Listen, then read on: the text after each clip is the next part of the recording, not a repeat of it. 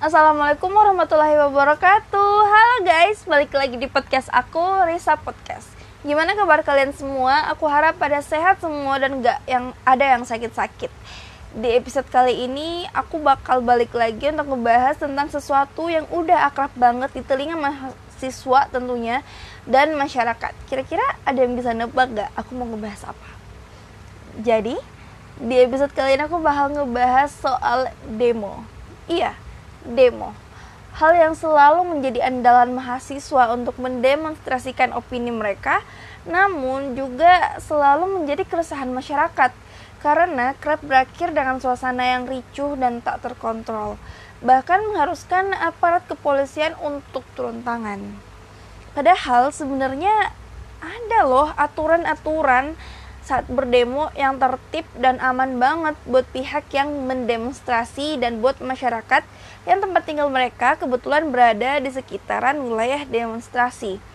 Dan aturan-aturan itu juga tertulis dalam Undang-Undang Nomor 9 Tahun 1998 tentang kemerdekaan menyampaikan pendapat di muka umum. Pada tahu nggak soal undang-undang ini? Aku yakin banget kalian yang di luar sana yang udah sering ikut demo cuman beberapa aja yang tahu soal undang-undang ini guys.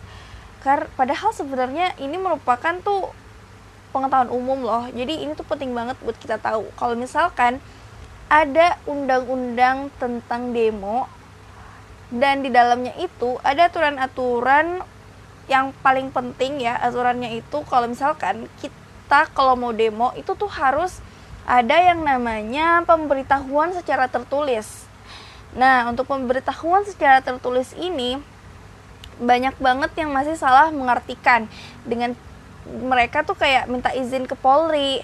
Sebenarnya pihak yang bersangkutan tuh cukup memberikan informasi aja kepada pihak Polri sebab mereka tidak memiliki hak untuk memberikan izin atau tidak kecuali terdapat hal-hal yang melanggar undang-undang. Dan dalam pemberitahuan itu juga mencangkup mengenai tujuan, tempat, lokasi, rute, waktu, lamanya demo, bentuknya, penanggung jawabnya siapa, nama, alamat organisasi, kelompok atau perorangan. Terus masih banyak banget deh. Intinya, data yang ada di dalam laporan ini nantinya akan menjadi pegangan pihak Polri ketika dalam aksi demonstrasi terjadi kericuan seperti pengeroyokan, penganiayaan, pembunuhan, dan hal-hal yang melanggar hukum lainnya. Dan kalau sampai terjadi pelanggaran, hukuman yang akan diterima tuh akan sesuai sama undang-undang yang berlaku, guys.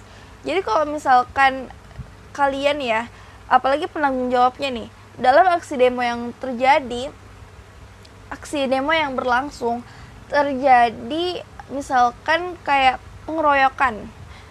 Nah, itu yang ngeroyok bakalan dapat hukuman yang sesuai sama undang-undang. Dan yang bertanggung jawab juga bakalan dapat hukuman guys karena mereka tuh pasti dimintai pertanggungjawaban. Gimana? Serem kan? Udah capek-capek demo, suara kita bukannya didengar, eh malah kena pelanggaran Udah gitu, dari banyaknya aksi-aksi demo yang berujung ricuh, kebanyakan yang bikin ulah adalah mereka yang bahkan datang cuman buat mancing kericuhan dan berakhir dengan para mahasiswa yang mendapat sanksinya sebagai penanggung jawab dari adanya aksi demo. Udah banyak banget kasus di mana kita kehilangan nyawa orang-orang yang kita sayang karena aksi demo yang berakhir ricuh. Dan lagi-lagi, pemantiknya orang gak dikenal karena ya mereka tuh asal masuk barisan dan berulah. Abis mereka udah berulah ricu abis itu lari. Setelah suasananya udah mulai nggak bisa dikontrol.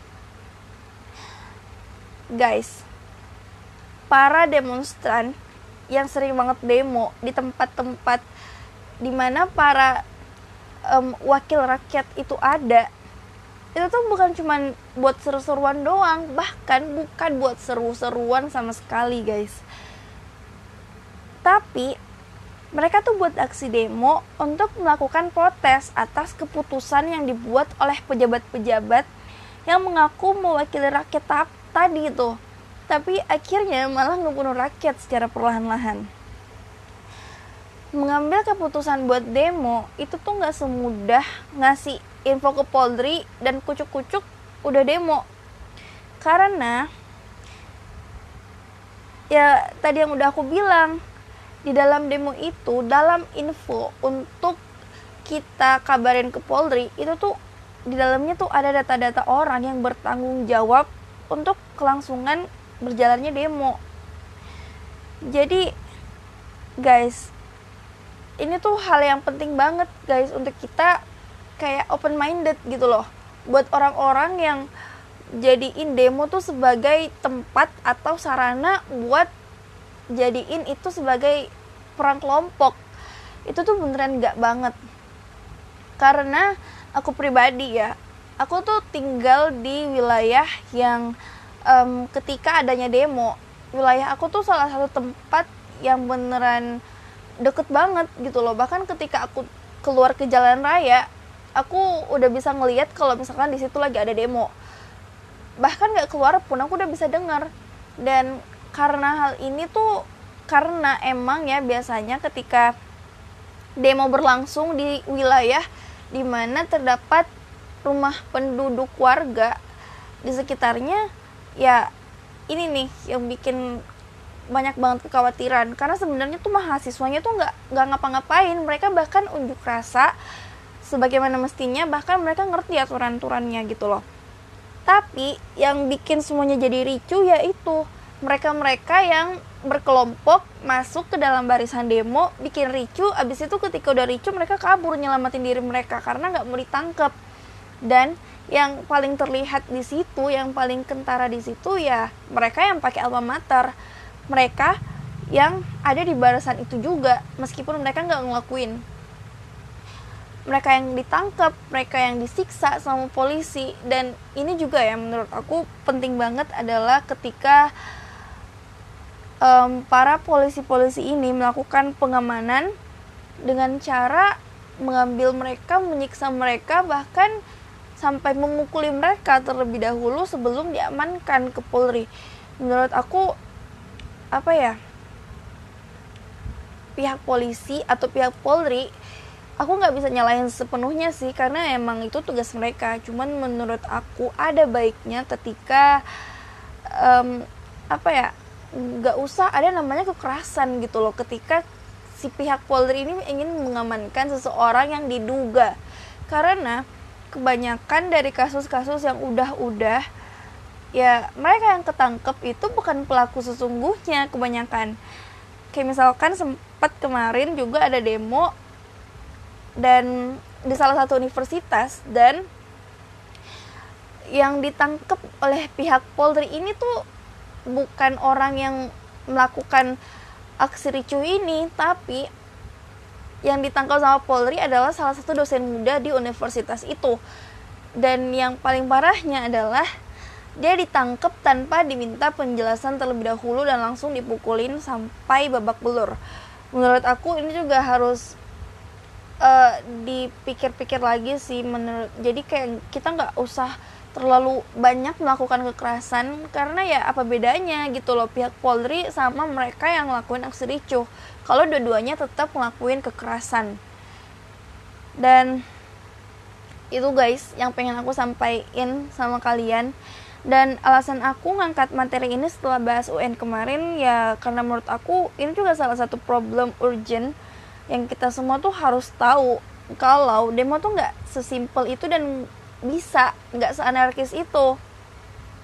Demo bisa kok berjalan dengan baik karena yang menjadi kunci adalah individu di dalamnya. Dan kalau misalkan individu dalamnya udah rusak dan tercemar dari orang-orang luar yang bahkan tuh nggak ngerti ini tuh de lagi demo apa? Mereka langsung masuk aja.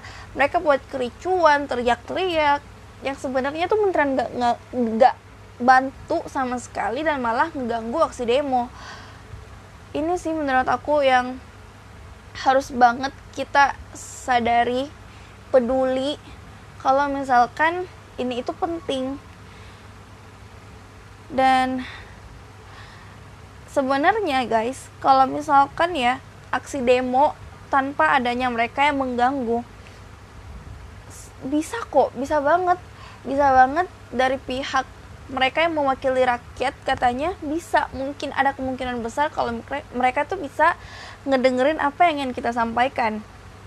Dan ini juga nih ini juga bisa jadi poin plus buat mahasiswa di mata masyarakat. Karena ya jujur aja ketika misalkan terjadi demo di mana um, lokasi demo itu tuh beneran deket sama lingkungan masyarakat atau permukiman warga kebanyakan tuh di sana masyarakatnya bakalan mikir hah ricu lagi nih nih.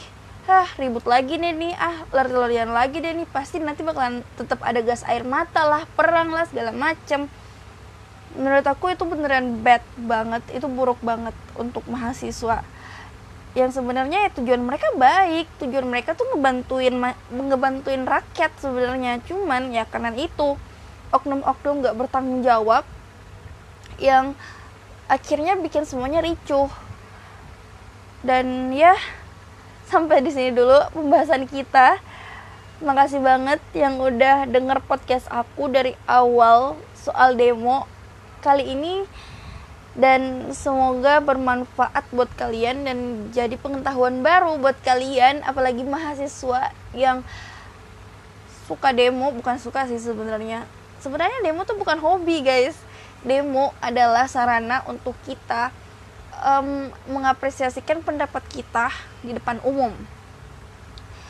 Dan aku harap banget ini bisa nambah pengetahuan kalian bukan cuma buat mahasiswa tapi juga buat kalian-kalian yang sebenarnya tuh belum paham betul demo tuh apa dan bahkan mereka nggak tahu kenapa mereka ditangkap ketika mereka ngelakuin kerusuhan. Ya karena itu guys demo itu ada dalam undang-undang. Dan setiap sesuatu yang ada dalam undang-undang itu pastinya jika dilanggar akan ada sanksinya. Jadi ya that's why kenapa kita kalian yang buat kerusuhan ditangkap ketika ngelakuin aksi ricuh dalam demo.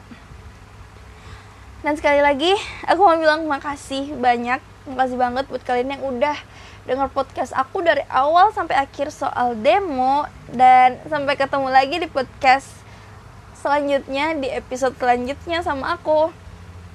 Assalamualaikum guys. Bye.